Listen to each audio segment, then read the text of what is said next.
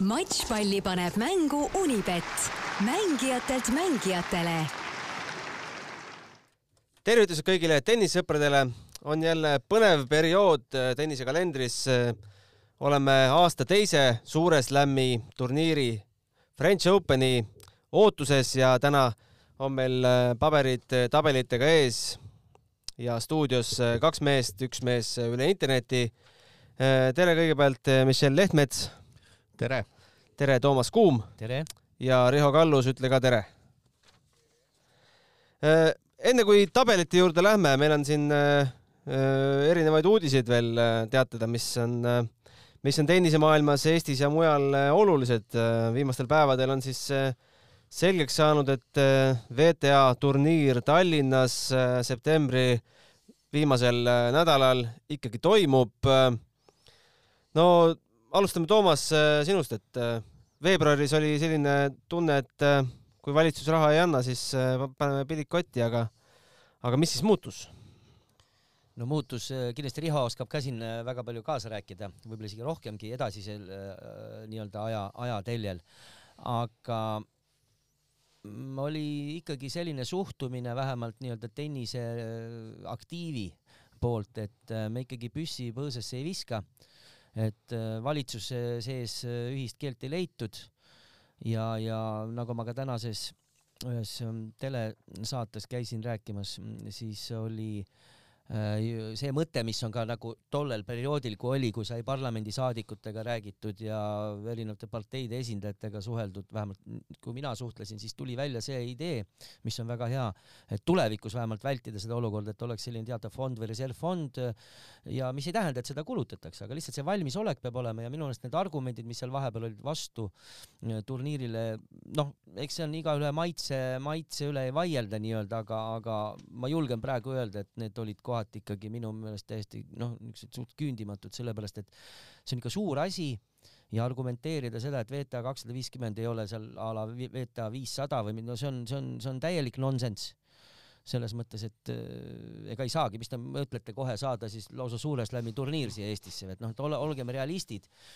ja muutus see, et äh, siin oskab Riho kindlasti, kui vajadusel võib-olla on ka rääkinud varem, et, et, et päris püssi põõsasse ei visatud, et ütleme, ma usun, et ka meie nii-öelda Eesti poolelt oli, oldi aktiivsed ja, ja nii palju, kui mina tean, siis äh, nii-öelda teine läbirääkijate pool on ikkagi, oli ka suhteliselt paindlik ja, ja teine asi on see, et, et ikkagi linn Tallinna linn antud juhul mängis ka ikkagi olulist rolli, et ta oli ikkagi nagu teatud ulatuses, päris suures ulatuses valmis tulema taha, see tähendab rahadega.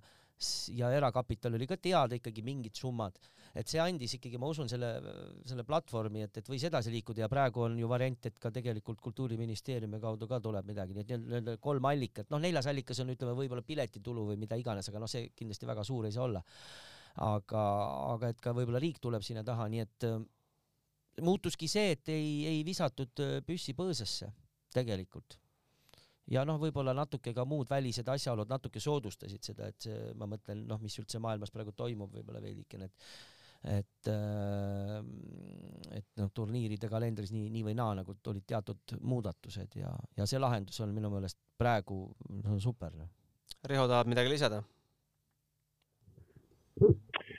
Kui esialgu oli, oli juttu äh, Luksemburgi turniiri litsentsist ja kolmeaastasest, vähemalt kolmeaastasest kohustusest ja lepingust, siis ja see ajaaken oli küllaltki lühike, siis olukord on, oli muutus ja, ja tegelikult äh, üks hetk siis pakuti varianti äh, meile kasutada Kremlin Cupi litsentsi ja, ja kuna initsiatiiv ja, ja meie valmisolek ja toetus, nii linna toetus kui erasponsorite toetus oli ja huvi oli väga-väga suur, siis äh, eks VTA nägi ka, et, et me oleme, me oleme väga aktiivsed ja väga huvitatud turniiri korraldamisest ja, ja siis äh, pakuti varianti, et hea küll, et lepime selle asja siis praegu üheks aastaks kokku võimalusega, et me saame seda turniiri ka siis pikendada soovi korral, aga et me ikkagi sellel aastal selle turniiri ära teeksime ja tegelikult lõppkokkuvõttes me saime Äh, väga hea ajalise akna, väga hea nädala ja, ja ka turniire kõrval ei ole, nii et, et, et noh, lõppkokkuvõttes see lahendus oli veel, veel parem. mis äh, mulle ainult muret teeb, et äh, noh, kui esialgu räägiti Tondirabast, siis nüüd on ikkagi Tondi Foorus tennisekeskuses kaks tuhat pealtvaatajat olen lugenud, mahutate sinna, et kui kirveks te selle piletihinna peate ajama, et et, et teil ei oleks väljas, ma ei tea, kilomeetrite pikkust järjekorda? no natukene, võib-olla, võib-olla natukene rohkem, võib-olla kaks pool, aga, aga jah, ega selles mõttes koha peal vaadata on, on natuke kitsas, aga teistpidi jälle võttes, ega, ega see ei ole lihtne nelja väljakut samasuguse kattega, mis vasta, vastaks ka nii-öelda VTA nõuetele leida, noh, seda kuskil nii-öelda Saku Suurhallis või, või Tondiraba jäähallis, seda, seda ei ole võimalik, võimalik nagu teha, et, et selles mõttes Tondi Fooruse tennise, Fooruse spordikeskus on, on, on väga, väga hea variant ja ma arvan, et mängijatele on need tingimused suurepärased. aga no mis puudutab äh, publikut, siis äh, turniiril on hommikusessioonid, õhtusessioonid, erinevad päevad, et see on küll kaks pool tuhat, aga kui me vaatame nüüd selle, jagame selle nüüd võib-olla üheksa päeva peale laiali, kui on kvalifikatsiooniturniir ja põhiturniir ja hommiku ja õhtusessioonid, siis tegelikult päris palju inimesi saab ikkagi seda turniiri jälgida, et neid äh, võimalusi on ju valida, neid päevi erinevaid ja piletid osta. millal piletid müüki tulevad, millal saab äh, finaali piletit osta? ma usun, et juba, juba võib-olla siin jaanipäevaks ja võib-olla isegi natuke enne jaanipäeva. aga igatahes äh, super uudis siis ikkagi Eesti tennisemaastikule, aga aga mis ei ole nii super uudis, on see, et äh, järgmisest Suure Slami turniirist äh, saab nii-öelda tehniliselt võttes äh, külaturniir, nagu on öeldud, sest VTA ja ATP ähvardavad, esialgu vist kokku pole veel lepitud, võtta punktid ära Wimbledonilt, kuna, kuna Wimbledon ei lase oma murule mängima Venemaa ja Valgevene tennisiste. no Toomas, ma tean, et hingelähedasem on sulle see Vene, Venemaa teema, et Wimbledon äh, teeb ju kõik õigesti. sa mõtled selles mõttes, et peale ei lase? jah. ei no ma, ma räägin, see on jälle see, see, see teema, et noh, et milles nagu justkui sportlased süüdi on, et see on, siin võib heietada lõpmatuseni, aga muidugi see, mis toimub nii-öelda, no see on jätkuvalt uskumatu, et, et no kaua see jama jätkub, noh et, et, et eks üritatakse mingite erinevate hoobadega nii-öelda mõjutada protsessi, kuigi ma arvan, et tegelikult need, kes seal kuskil otsustavad nii-öelda geopoliitilisi asju ja pff, neid see tõenäoliselt ei morjenda üldse see asi, nii et tegelikult noh, mõnes mõttes sportlastest on ikkagi kahju, et, et noh, võib-olla need olukorrad veel, veel noh, ega siin aega väga ka ei ole siin, et muutub, aga ma ei oska rohkem siia lisada, eks ma olen varasemates podcastides sellest rääkinud, et ei taha ennast korrata. mis see teeb meie turniir või selle äh, reitingutabelitega, et kas äh, sarnane olukord äh, sellel aastal, kui Wimbledon lihtsalt ära jäi või? et eelmise aasta punktid jäävad püsima või kukuvad kõik? ma ei oska öelda, ma ei ole seda selle poolega kursis, võib-olla keegi teine on. Riho, mis sa pakud, mis juhtub? ei, ma ei usu, et äh, ma ei usu, et äh, kui, kui, kui punkte ei saa, siis punkte ei saa, et nüüd on ikkagi, nüüd on ikkagi VTA ja ATP edetabel hakkab vaikselt äh, hakkavad ära kaduma need kahe tuhande üheksateistkümnenda aasta punktid ja asjad, et siin Roger Federer peaks ka juba juulikuust olema edetabelist välja. Riho meil natuke. neid vanu punkte enam ei ole. Äh, Riho, teeme sinuga väikse restardi, samal ajal. varsti, et, et ma ju, ma arvan, et kui punkte ei saa, siis punkte ei saa, et viiskümmend kaks nädalat ikkagi läheb arvesse ja, ja nii läheb edasi, et Äh, Riho. Äh, ei olnud kuulda vahepeal, jah? vahepeal ei olnud kuulda, aga nüüd jälle on äh, okei okay,, loodame, et püsib. tuleme siis ikkagi French Openi juurde, eile loositi meil vastased ja vastased ka teistele ja üldse kogu tabel.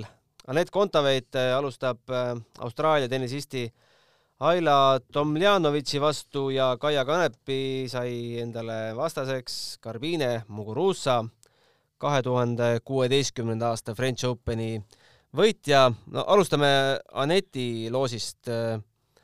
Äh, ei, ei ole hea ega halb või kuidas, Michel, vaatad sellele?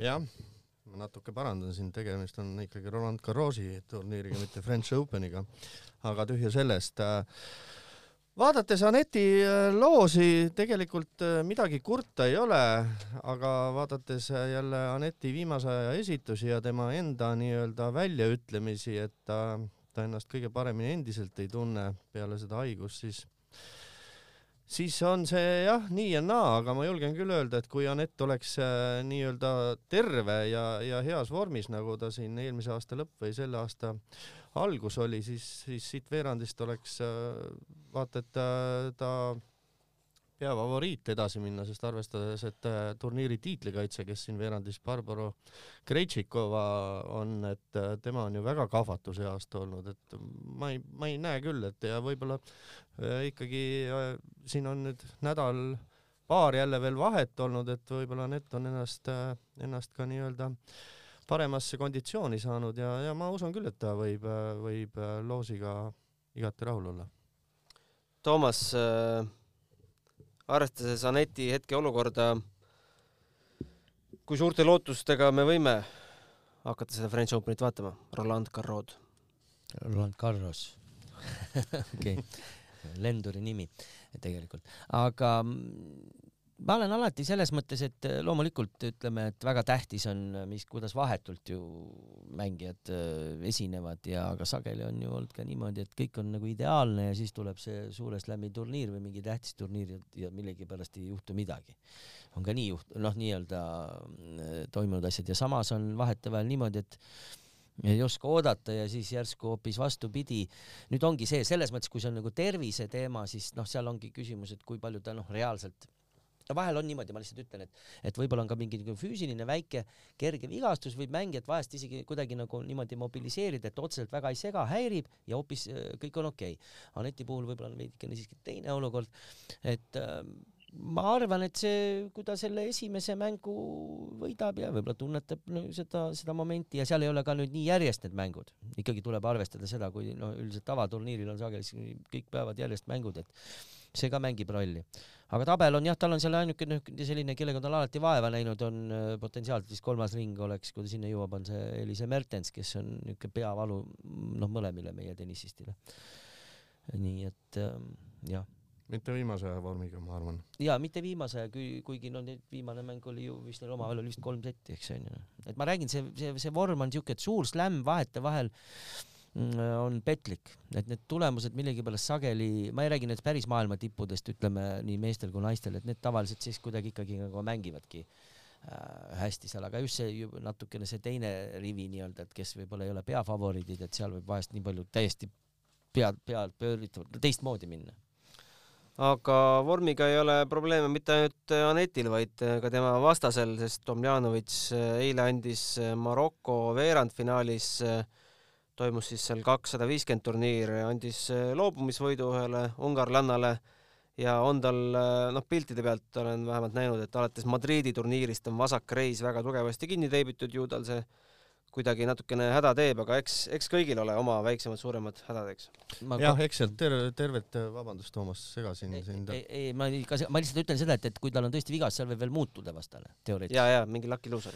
jah, aga, aga teame ka seda, et äh, nädal enne Grand Slam'e peetavatel turniiridel on äh, see suhteliselt tavapärane, et ikkagi absoluutselt äh, mida iganes seal natukene tunda annab, annab, siis visatakse Äh, reket nii-öelda põõsasse, et, äh, et äh, pane seesama turniir näiteks, et see ongi Roland Garros, et noh, ma ei ütle, et ma ei tea, mis Tomjanovitšil on, aga, aga põhimõte on see, et Grand Slamil minnakse kasvõi nii, et lõpetad ratastoolis, aga, aga tavaturniiril üks nädal enne, enne Grand Slami, siis kui sõna otseses mõttes väike varvas kergelt tuikab, siis juba igaks juhuks lõpetame ära uh. Mhm. -huh. tuleme Kaia vastase juurde, et äh eelmise aasta VTA aastalõputurniiri võitja, kahekordne slam'i võitja. Garbine Muguruza sel aastal midagi väga säravat äh, korda pole siiski saatnud.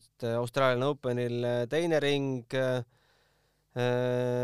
vaatan siin VTA tuhat turniiridel jõudis küll Dohas äh, veerandfinaali, kaotas seal Ostapenkole Indian Wellsis esimene esimene tõke osutus juba saatuslikuks äh, viimasel äh, turniiril Rabatis. Äh, teises matšis kaotas Martina Trevisanile, itaallannale, et et kui, millal siis veel, kui mitte nüüd, võiks olla Muguruza Kaia jaoks näpistatav? ma arvan ka, et, et siin on veel üks nüanss hästi oluline, et, et ütleme, kuigi noh, Muguruza on seda klassi jälle mängija, kes, kes võib ikkagi slam'i turniiril äh, nii-öelda nii kogemuse baasil kui ütleme no,, nad oskavad ennast kokku võtta sellise tasemega mängijad. aga see moment on minu arust just isegi hea, et Kaia mängib temaga avaringis. no esimene mäng on alati selline Äh, ütleme, ükskõik kui kõrgelt sa asetatud oled või midagi, et see võib olla niisugune eba, noh, sa elad alles ikkagi, vaatamata sellele, et oled aastaid mänginud, et sa elad nagu turniiri sisse ja, ja, ja, ja see on teada, et Kaia võib nii-öelda tulistada äh, niimoodi, et ootamatult ja, ja, ja ega tal noh, ei ole Muguruzal sugugi selles mõttes on, ei ole lihtne, et ta, ta ei tea, mis teda võib-olla päris ees ootab. aga edasi, kui vaadata ju tabelit, siis tegelikult seal ega Kaial ka, noh, kui saaks selle esimese ringi, noh, seal on, on muidugi Koli Kauf võib tulla kõik, aga ütleme, kõik on mängitavad tegelikult. neljandas ringis võib üks viiendale asetatud mängija tulla. No ja, ja seda jah, me selles mõttes jah, et, et, et, et teoreetiliselt on jah see variant, et, et siis meie mängijad omavahel, aga noh, see on, see on muidugi päris. see on ka varem olnud seal neljandas ringis koitnud ja pole tõeks saanud. mina isiklikult äh, usun ka, et Kaia võib täitsa Muguruzat võita, aga minu jaoks on, on ohtlikum vastane pigem üldse Viktoria Azarenka Kaia jaoks, kui kui, kui Garbine Muguruza, et, et kui natuke edasi vaadata, et aga, aga Muguruza hoidab alles äh, veerandis ju. Jah, Azarenka on alles veerandis ja,. jah, jah, no okei okay., jah, veerandis aga ütleme siis selles tabeli veerandis, et äh, ma näen, et, et äh, väga ohtlik võib olla siin Azarenka, kes ju tegelikult mängis väga korraliku turniiri siin, kas, kui ma ei eksi, Roomas, et äh, madistas seal ju selle aasta vali, valitseja Sviatek ikka päris, päris korraliku lahingu ja, ja, ja jah, et usun küll, et Kaia võib Muguruzat võita, aga loomulikult eh, see ei pea nii minema, aga, aga ärme unusta seda ka, et Muguruza on selle turniiri ikkagi võitnud, et Liiv ja Roland Garros on talle väga, väga õnnelik koht olnud. Eh, ma viskan sellise väite õhku, et tegelikult Anetil ja Kaial selles mõttes hea loos, et nad sellesse tabelipoolde sattusid, sest pöörame lehe teistpidi ja me näeme siin ainult ühte favoriiti finaali kohale. me näeme üldse kogu, kogu yeah., kogu tabelis ainult ühte ma olen ka nõus selleks, et, et, et kuni täpselt siin ei olegi vaja isegi nime vist öelda. ei ole vaja jah. no meie jaoks mitte noh, Riho. no ma tahtsin öelda, et kui me siin äh, Toomas Leiusega arutasime ka just, noh, ütleme, kui naistest rääkida, et siin oli kõige suurem küsimus ja mis meie jaoks oli, oli see, et kes on see õnnetu, kes läheb Naomi Osaka vastu esimeses ringis ja kui me nägime tabelit, et see õnnetu on Anissimova, siis see on selline esimese ringi matš, mis võiks, ega ma väga ei imestaks, kes naiste tennist rohkem jälgib, kui need kaks mängiksid omavahel ka finaalis, vabalt võiks mängida ka finaalis. et, et selles suhtes ma olen nõus teiega, et, et kui võtta ükskõik milline tabeliveerand, siis minu arust meie äh, Anett ja Kaia on äh, sattunud kõige paremasse veerandisse jah, aga natuke, Riho, mulle ikka vahest meeldib sulle vastu vaielda, et Anisimov Osaka võiks küll finaalis mängida, kui, kui meil ei oleks seda ühte nime siin tabelis, kellest me räägime. aga räägime sellest ühest nimest, miks me teda nii väga kardame, et äh, neli kõrgema kategooria turniiri sel aastal võitnud, äh, ohustab siin oma võiduseeriaga vist on, mis juba päris kahekümne kaheksa mängu pikkune, ohustab äh, Serena äh, Serena ja Veenuse rekordeid, Serena oma vist vist sai jagu, Veenuseni on veel minna, see on vist kolmkümmend kaks või kolmkümmend viis, kui ma ei eksi. et äh, mis ta teeb nii võimsaks äh,?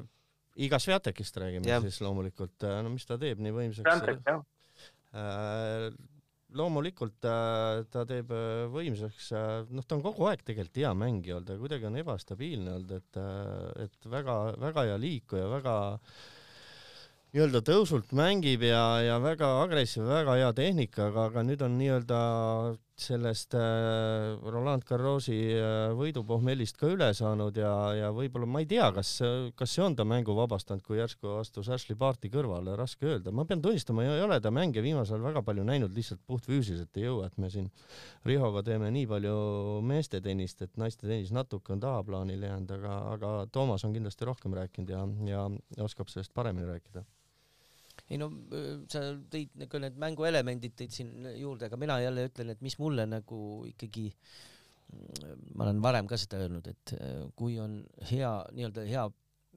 närvikavaga ja, ja, ja, ja, ja selline mängija, kes mängib mitmekülgselt ikkagi, sest et me võime siin rääkida, lööb tõusult ja mida iganes, tegelikult ta, ta ikkagi oskab mängu varieerida, võrgus ka saab hakkama, väga hästi mängib tempoga samamoodi suudab, vaja tõmbab natuke alla ja, ja et just see mitmekülgsus, et ma ütlen, et kui naiste tennis nagu Partigi oli, tegelikult mängis ju väga mitmekülgset tennist, eks onju.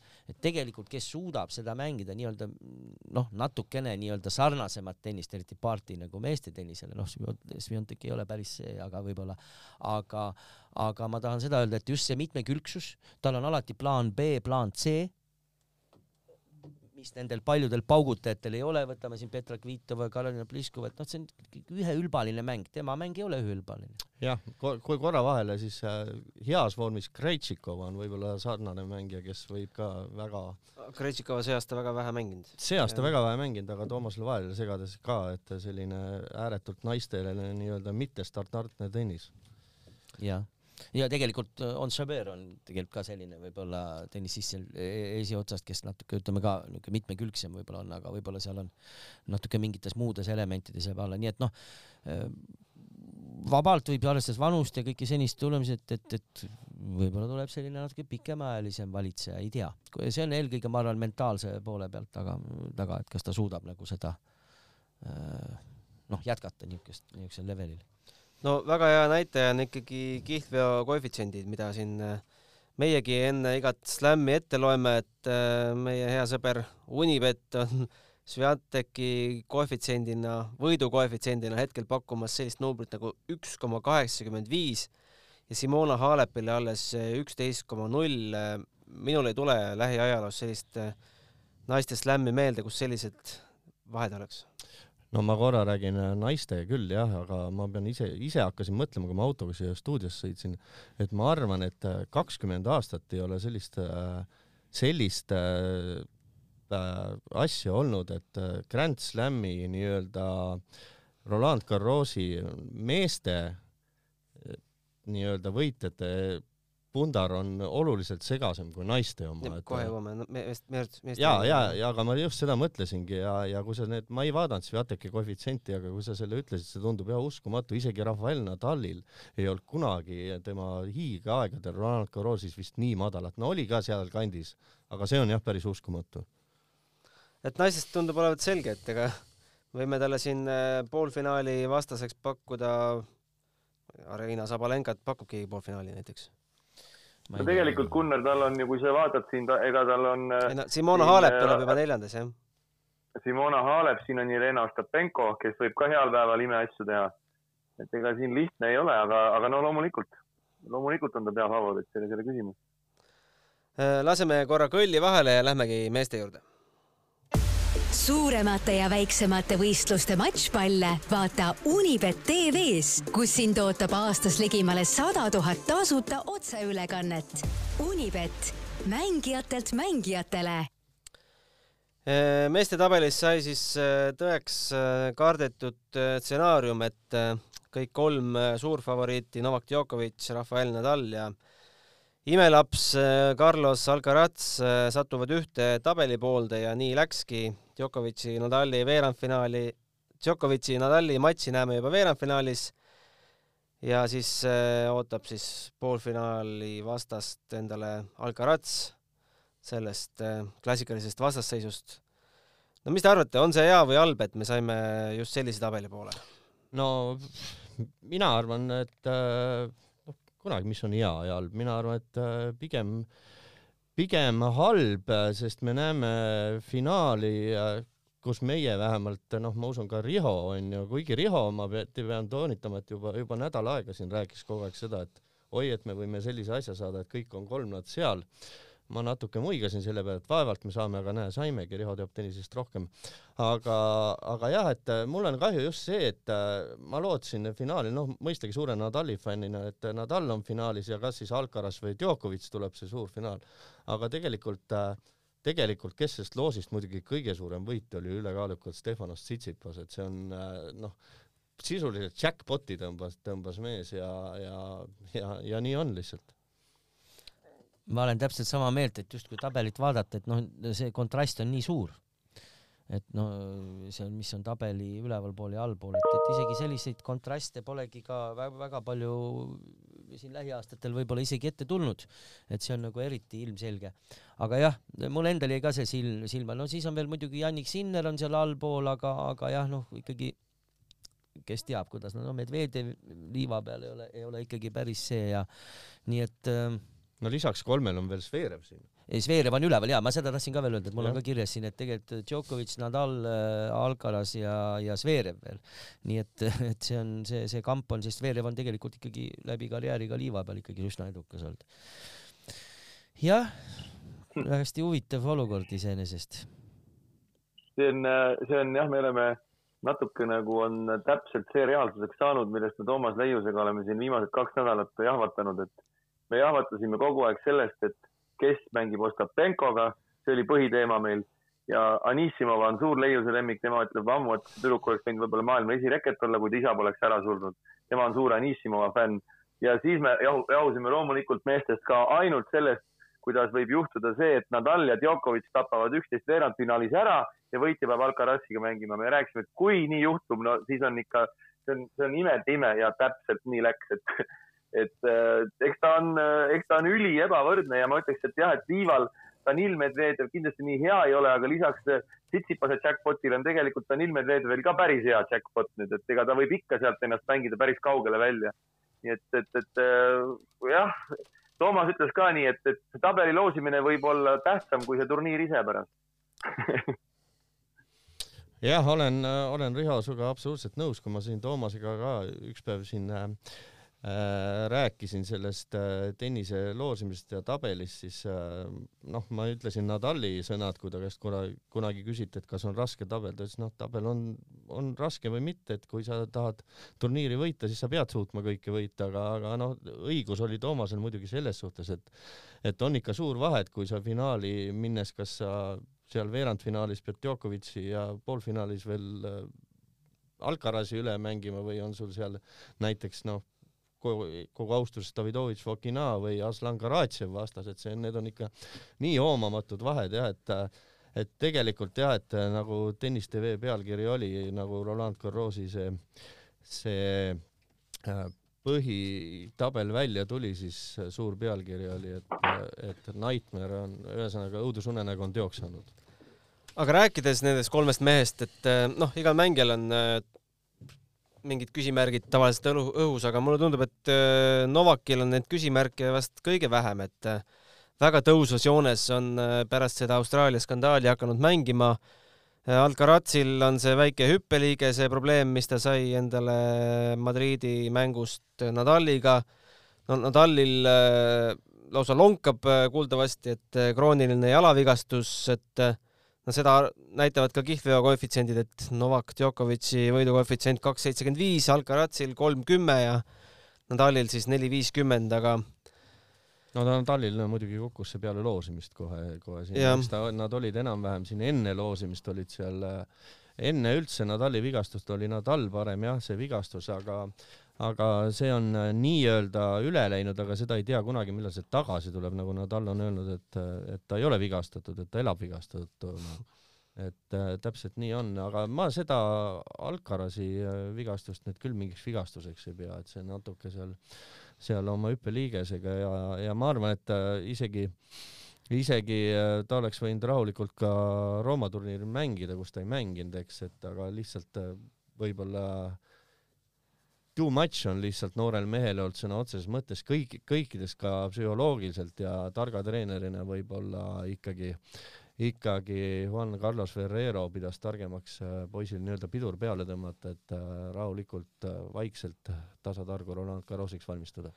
Riho ja Michel, te olete neid Alcarazzi mänge nüüd siin viimastel nädalatel näinud ja kommenteerinud, et kas kogu see haip, mis tema ümber on, on siis õigustatud? No Riho on äh, neid kindlasti rohkem näinud, Riho räägib kõigepealt. Äh, see, ma, me, me oleme Toomasega kogu aeg rääkinud, et meie jaoks ei ole see üldse mingisugune haip ja see on aja küsimus, millal see mees maailma esimeseks tõuseb ja kui sa rääkisid siin tema, tema vigastusest, väikesest vigastusest, tuletan meelde, et ta mängis järgmisel päeval Novak Djokovic'i üle ja ülejärgmisel päeval finaalis tegi Aleksandr Zverevile ikka väga-väga piinliku matši võidu, okei okay,, Zverev küll rääkis seal seda, et ta pidi väga pikalt öösel üleval olema ja, ja oli väga raske tema jaoks see finaal, aga, aga see selleks ja siis me vaatasime seda turniiri ja mõtlesime, et mismoodi hakatakse tema vastu mängima viiest parem mänge. see on veel keerulisem ülesanne, mängida kolmest parem, aga mängida viiest parem Carlos Alcarazi vastu, et, et, et see mees on, see mees ongi teiselt planeedilt. ta ongi täiesti teiselt planeedilt, ta mängib ikka uskumatult teistmoodi tennist. Aga sa ei arva, et tal endal võib olla viiest parem äh, mängudega raskusi? ei, ma vastupidi, ma vastupidi arvan seda, et kui vaadata äh, matši, mis ta mängis Rafael Nadaliga, noh, seal oligi tegelikult see teises setis oligi see, kui juhtus see jalaga õnnetus, onju, et kui seda õnnetust ka nüüd noh, oletame, et seda poleks olnud, hea küll, mis siis oleks võinud see matš teistmoodi lõppeda, aga, aga vastupidi, mina näen küll temas ikkagi peatselt äh, maailma esireket üsna, üsna ruttu kusjuures. Ja olen, olen sinuga Riho nõus, aga, aga ei ole, ei ole ma päris seda meelt, et te nagu Toomasega ütlesite, et, see on pea kindel, et, et, et ära ta selle turniiri võidab, et et esmakordselt on tal nüüd selline situatsioon, et seda ei olnud ju veel Austraalias, et ta on võitja favoriit sisuliselt Austraalias oli ta lihtsalt selline tõusja ja, ja see ei pruugi nii minna, see võib nii minna, loomulikult see võib nii minna ja Alcaraz võib selle turniiri võita niimoodi, et ta, ta ei kaota seal settigi, see ei tohi, see ei peaks olema võimatu, sest tegelikult see meenutab kogu see Alcarazi teekond meenutab no nii Nadali. Ja millal Nadal esimese matši Roland Garrosil kaotas. aga Alcaraz on juba kaotanud ja tegelikult noh, siin ei, loomulikult see ei oleks maailma suurim ime, aga, aga see ei pruugi nii minna jah, seal äh, see paralleel Nadaliga mingis mõttes see, seal, see, seda seda on nagu tunda jah, seda on tunda. aga. ja, aga üks asi võib-olla, üks asi, mida tasuks nagu ära mainida, et äh, ikkagi vaadates seda, mida Novak Djokovic tegi Roomas ilma settigi kaotamata võita turniiri ja, ja ja mängida no nii fantastilist tennist nädal aega, et, et Novak Djokovic on ikka ülihea soos.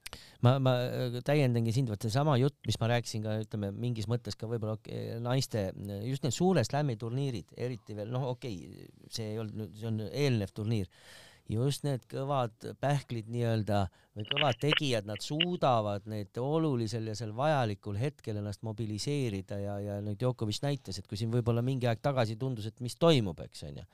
et, et, et see, see, see kogemuste pagas ja see võime mobiliseerida, motivatsiooni lisa leida, et see on, see on noh, need on mõned unikaalsed mängijad nii naiste ja noh, no naiste poolel võib-olla vähem, ütleme seal see kõigub rohkem, aga meeste puhul viimased kakskümmend aastat on see nii olnud. nii et sellega tuleb tõesti arvestada, et Djokovic võib olla, eriti ta nüüd näljane ta tahab seda, ta tahab äh, suures, temal on nagu minu meelest see, et, et tema on kogu aeg seda nagu rõhutanud, kui oluline tal on, et olla nende slam'i turniiridega eespool, et et kindlasti Nadal ka peab seda oluliseks, aga ma arvan, ta võtab seda palju nii-öelda vabamalt või, või, või see ei ole võib-olla tal niisugune mingisugune eesmärk, nii, nii peamine eesmärk, aga minu arust Djokovicil on see üks täiesti selline eesmärk, et ta enne rahule ei, ei jäta või rahule ei jää, et kui ta ei ole saanud mingi teatud numbri kätte, selline mulje vähemalt on aga anname natuke teistele meestele ka respekti, et äh, näete siin äh, ohustajaid, kes võiks meie selle veerandfinaali ja poolfinaali stsenaariumi uppi keerata? et Nadali ja selle mm, Djokovic'i veerandfinaali siis uppi keerata.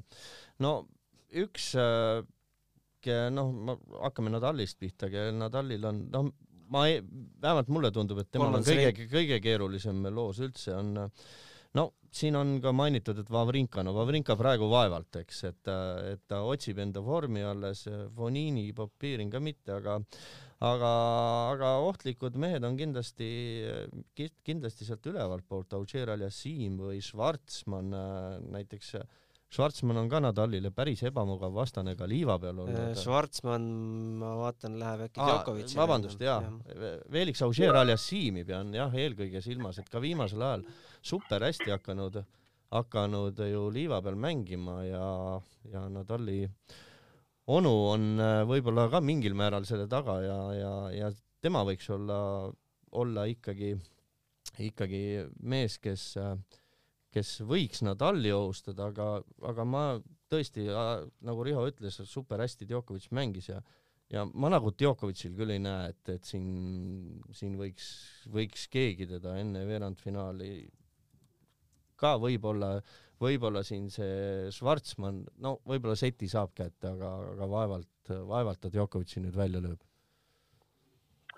no üks mees, kelle võiks veel ära mainida sealt kindlasti on, on hollandlane Botik van de Zandschulp, et kes on jälginud tema viimase aja mänge, siis ta alles sai Roomas Sebastian Kordast jagu, ta võitis Madridis Pablo Carreno Bustat, ta võitis Münchenis Kasper Ruudi et see mees on ka väga hea soos, et see ei ole kindlasti ka lihtne vastane Nadalil.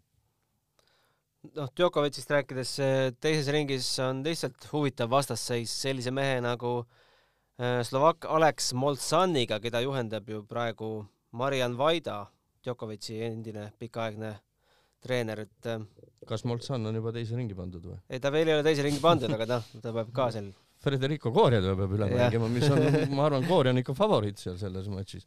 või mis sina, Riho, arvad? sina oled neid äh, Molksanne ja Coriaid väga palju teinud, ma no, tean. no me just see nädal praegu mängivad, nad mõlemad äh, mängivad praegu äh, Lyoni turniiril ja oleme nende mõlema mänge vaadanud ja Alex Molchan jätab ikka väga hea mulje. Coria tegelikult mängis seal ka väga hea fantastilise matši, aga, aga üks hetk ikkagi libastus, et Molchan on äh, Molchan on äh,, täna mängib Alex de Minoriga poolfinaali ja mängis üleeile korja kolm, kuus, kolm, kuus, kaks, nii et Molchan on väga ohtlik. täna saab näha, kuidas tal de Minoriga läheb seal, nii et, et see on, see on üks väga ohtlik mees ja üks äh, selline nimi kindlasti, kes meile viimasel ajal on, on väga-väga silma paistnud ja kes on äh, väga ohtlik mees, on taanlane Holger Rune. ma ei tea, kus kohas ta siin tabelis seisab ja kellega ta siin kokku läheb, aga aga, aga see mees võib ka fantastilist äh, mängu mängida. Rune on äh, Deniss Šapovalovi esimene vastane päris huvitav mäng saab olema. see oli, see oli üks raskemaid esimese ringi mänge, me Toomasega eile vaatasime ka, et Šapovalov, Rune, siit ei tea, kumb läbi võib tulla, siin on täitsa, täitsa fifty-fifty, ma ütleks. aga mis te arvate Alcaraz äh, Korda kolmanda ringi vastasseisust? on seal mingit šanssi? ei ole. Riho jah, Korda ju võitis Alcarazi eh, mäletatavasti Monte Carlos, aga see oli, seda matši me ka kommenteerisime, see kestis üle kolmetunnise matš ja see oli väga tuuline päev, hästi palju murti üksteise serve ja väga palju breikpalle oli ja see oli natuke, ütleme, kastist väljaspoole matš oli see, et, et eh, Korda mängib väga head tennist ja, ja, ja, ja ta on, ta on raske vastane, aga ma ka väga ei usu, et ta Alcarazile, Alcarazist siit jagu saab ja ega siin on veel äh, Richard Kaskee, kes alistas just äh, Danil Medvedjevi Genfis nüüd paar päeva tagasi, nii et Richard Kaskee on veel kordal siin, Lloyd Harris, ega siin on enne ka raskeid mehi. No räägime Tsitsipasest ka, miks, äh, miks me arvame, et ta siis jalutab selle teise poole läbi?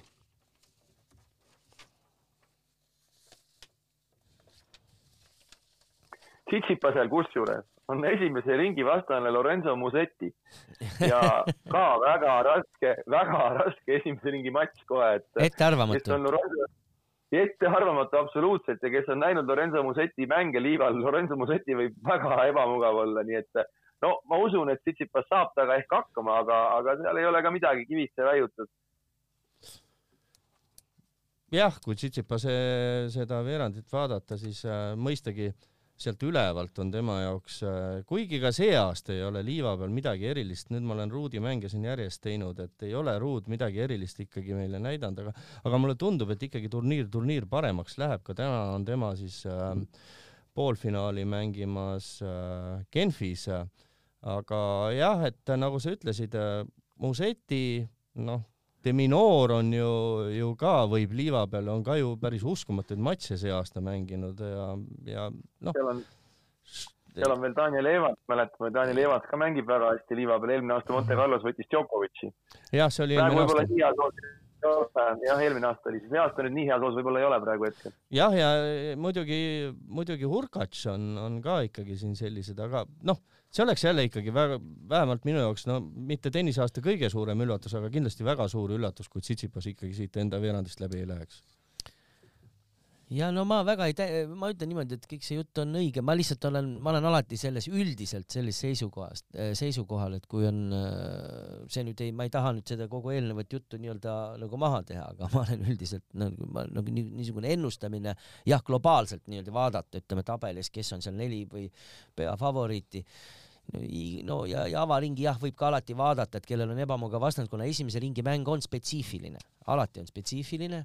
Äh, ma ka põhjendasin enne seal, kui me naiste poole, naiste turniiri nii-öelda käsitlesime. aga tegelikult hakkab see, ütleme niimoodi, et kolmanda ringi mängude järel võib juba hakata nagu tõesti ikka reaalselt äh, noh hindama, et, et kes on just ikka selleks turniiriks konkreetselt paremini valmis, kas kellelgi on seal mingid võib-olla varjatud vigastused olid, mis löövad välja suurest läbi. et ma olen nagu alati siin ütleme pigem tagasihoidlik, et siin, siin võib lõpmatuseni, ma ei tea, võib neid nimesid, see võidab, teine võidab. millest peab rääkima? ei, ei, ei, ma ei räägi üldse halvas mõttes, ma lihtsalt ütlen seda, et, et see on noh, see on selline noh suhteliselt kohvipaks, aga, aga see, et me alguses just käsitlesime neid põhifavoriite, et see on nagu okei okay. ja huvitavamad mängud tuleb muidugi välja tuua, et selles mõttes tasub vaadata, et ei ole ka, see on soovitus tegelikult, mida ka Riho just tõi need mõned mängud inimestele, kes tahavad seda suure slam'i turniiri vaadata et ei ole ainult nii, et hakkate vaatama veerandfinaalist jah, et tegelikult vaadake kohe, valige välja juba avaringis, et siin on tõesti väga põnevaid vastasseise, kus on nagu ette ennu-, noh, tõesti võib-olla võitjat on raske ennustada, aga ma lihtsalt ütlengi, et, et, et see on selline, selline ülesanne algul. Väga-väga raske. aga hea idee, Toomas, sult, et ma olen sinuga ka selles suhtes väga päri, et ja Gunnar, järgmine äh, podcast tuleb teha peale kolmandaid ringe ja siis oleme, siis on palju, palju igast äh, huvitavaid asju rääkida, et ei pea olema no, peale esimest nädalat tavaliselt on meil siin juba pooleteisttunnised saated. jaa, see on, see on mõistlik, siis on, oleme palju targemad. aga mis seal see keel-, noh. ma tahaksin öelda, et kui ma peaks ütlema ühe nime, kes võib äh, Tsitsipase finaali ära rikkuda, siis ma ütleksin Janik Sinner. nõus, kusjuures nõus Äh, Michel keeras siin juba tabelid kokku, aga, aga ma tahaks ikkagi selle ennustusringi ka teha ja paneme siia mingi, pärast lepime auhinna kokku, mis me siia vahele paneme, mis sõbrad, sõbrad võitjale teevad, kui, kui võitja peaks üldse selguma, siis äh, ennustame selliseid asju, et ennustame naiste finalistid äh, naiste võitja, meeste finalistid, meeste võitja ja siis kui kaugele jõuab parim Eesti naine. Ma võin algust teha ma ütlen, et naiste finaalis mängivad äh, Švantek ja ja Jabeur ja võidab Švantek. Äh, meeste finaalis mängivad äh, Alcaraz ja Tsitsipas ja võidab Alcaraz. ja parim äh, Eesti naine jõuab neljandasse ringi. no ma pakun ka siis, et naiste finaal pakun Sviatek ja Kontaveit. mõistagi äh, Eesti parim naine jõuab siis äh, finaali. finaali ja meeste no aga sa ütlesid ära, et siit Sviatek võidab selle finaali? jaa, kahjuks läheb nii, et Anett ikkagi siit veel esimest Grand Slami ei saa. et tuleb no see... ennem tuleb finaalis olla ja siis alles võita, nagu öeldakse. jah, jah. no meestest äh, noh, tark oleks pakkuda nii, nagu, nagu siin Gunnar pakub, aga ma ei saa, kui ma nii suur Rafael Nadali fänn olen, siis ma ikka sa võid oma punktid sealt ikka ära võtta ju. pakun, et äh, Rafael Nadal ja, ja Stefanos Tsitsipas finaalis mängivad ja Nadal selle matši võidab. ja Toomas no naistel kindlasti võitja on äh, minu meelest Iga Swiatek ja tema on finaalis, aga väga keeruline on ausalt öeldes siin, kes talle finaali vastas tuleb. aga ma mõtlen, et äkki, äkki see aasta õnnestub finaali jõuda Maria Sakkaril, pakume nii. äkki teeb mingit imet nüüd see turniir. nii, ja siis äh, meil on ja siis Eesti naistest äh, ma ka väga loodan, et, et ikkagi vähemalt äh,, vähemalt neljandasse ringi keegi nüüd mängijatest jõuab, et, et ma küll ei hakka äh, ükskõik mis, mis seis praegu ei ole, et, et aga, aga see on pigem see, et, et ikka hoiame pöialt ja loodame, et, et saame pikalt kaasa elada. meeste puhul on jah, ma millegipärast arvan, et tulebki võib-olla see üllatus, millest äh, ka Riho rääkis, et äh, no muidugi, kas ta tõesti finaalini välja veaks, et see on nagu hästi huvitav, aga aga teeme sellise fantastilise, kuigi ma usun, et mille, millegipärast, et Djokovic on jube võimas ja, ja, ja võtab ära, aga ma ikkagi panen siin teistmoodi. finaalis on väga ootamatu paar, no mitte päris ootamatu, Alcaraz ja Sinner. ahah, ja võidab no paraku võidab ikka see peamine favoriit, et selge see, et ma ei ütle päris nüüd ütleme niisuguse objektiivse analüüsi tulemusena, aga, aga väike intriig peab ka olema, ei tohi kõik väga loogiline olla. siit võib tulla jackpot. Riho ütleb nüüd absoluutse tõe. No mina nüüd pean nüüd teie ennustustest kokku miksima midagi, mis oleks huvitav ja intriige pakkuv. et ma ei saa nüüd pakkuda seda, mida ma oleks pakkunud algus, algselt ma pakun nüüd hoopis teistmoodi, ma pakun, et naistest jõuab finaali Sviantek ja Anissimova ja pakume siis, ma pean võita ka pakkuma või? jaa. ma pakun, et Anissimova võidab, ma tean, et Leiu õudselt fännab teda, paneme siis Anissimova võidab hoopis.